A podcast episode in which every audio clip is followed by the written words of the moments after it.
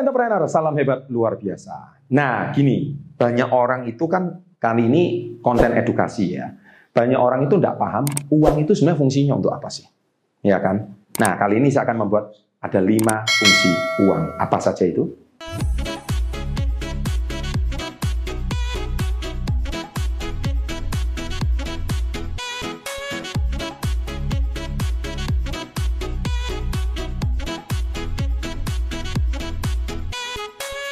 Nah, jadi gini ya, banyak orang itu tidak paham apa fungsi uang. Dikira uang itu cuma menambah kekayaan, uang itu untuk dipamer-pamerkan.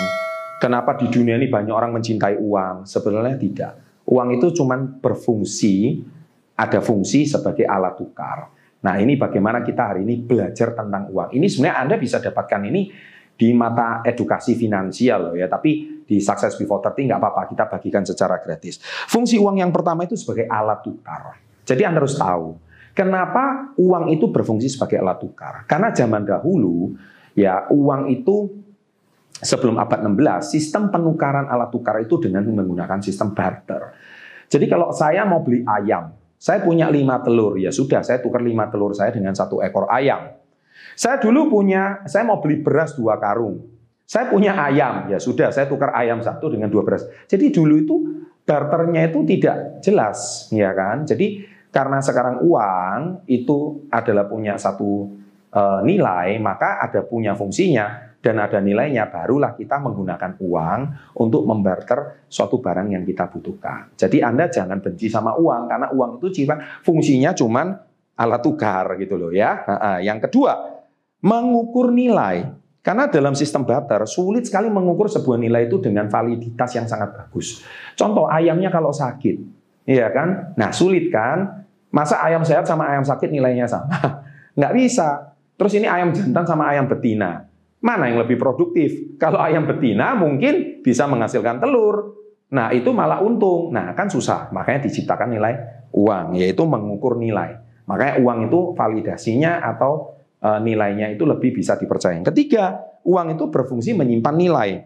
Jika Anda petani gandum, anda belum punya namanya uang, maka kamu menyimpan gandum 50 tahun ke depan. Maka bayangkan berapa hektar kamu perlukan untuk menaruh ratusan gandum. Kan susah sekali.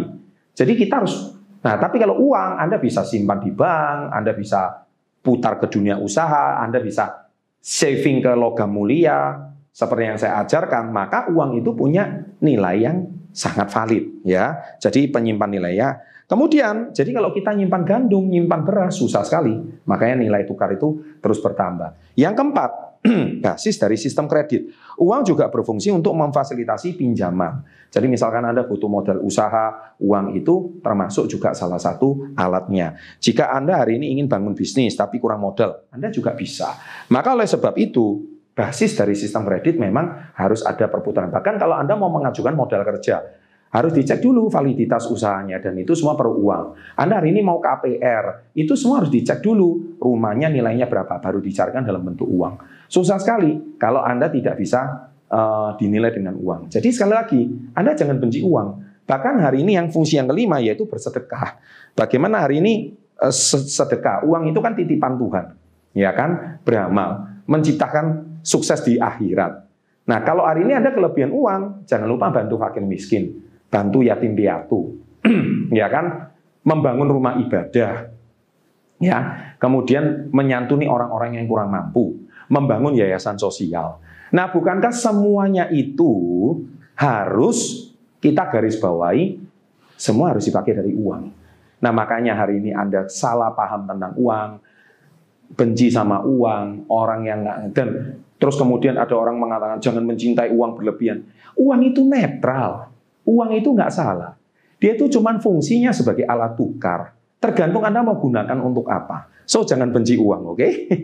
Karena uang bisa menciptakan apa pun yang Anda inginkan. Nah kalau Anda sudah tahu kesalahpahaman yang tentang uang, saya sudah pernah buat kontennya. Hari ini saya sudah buat.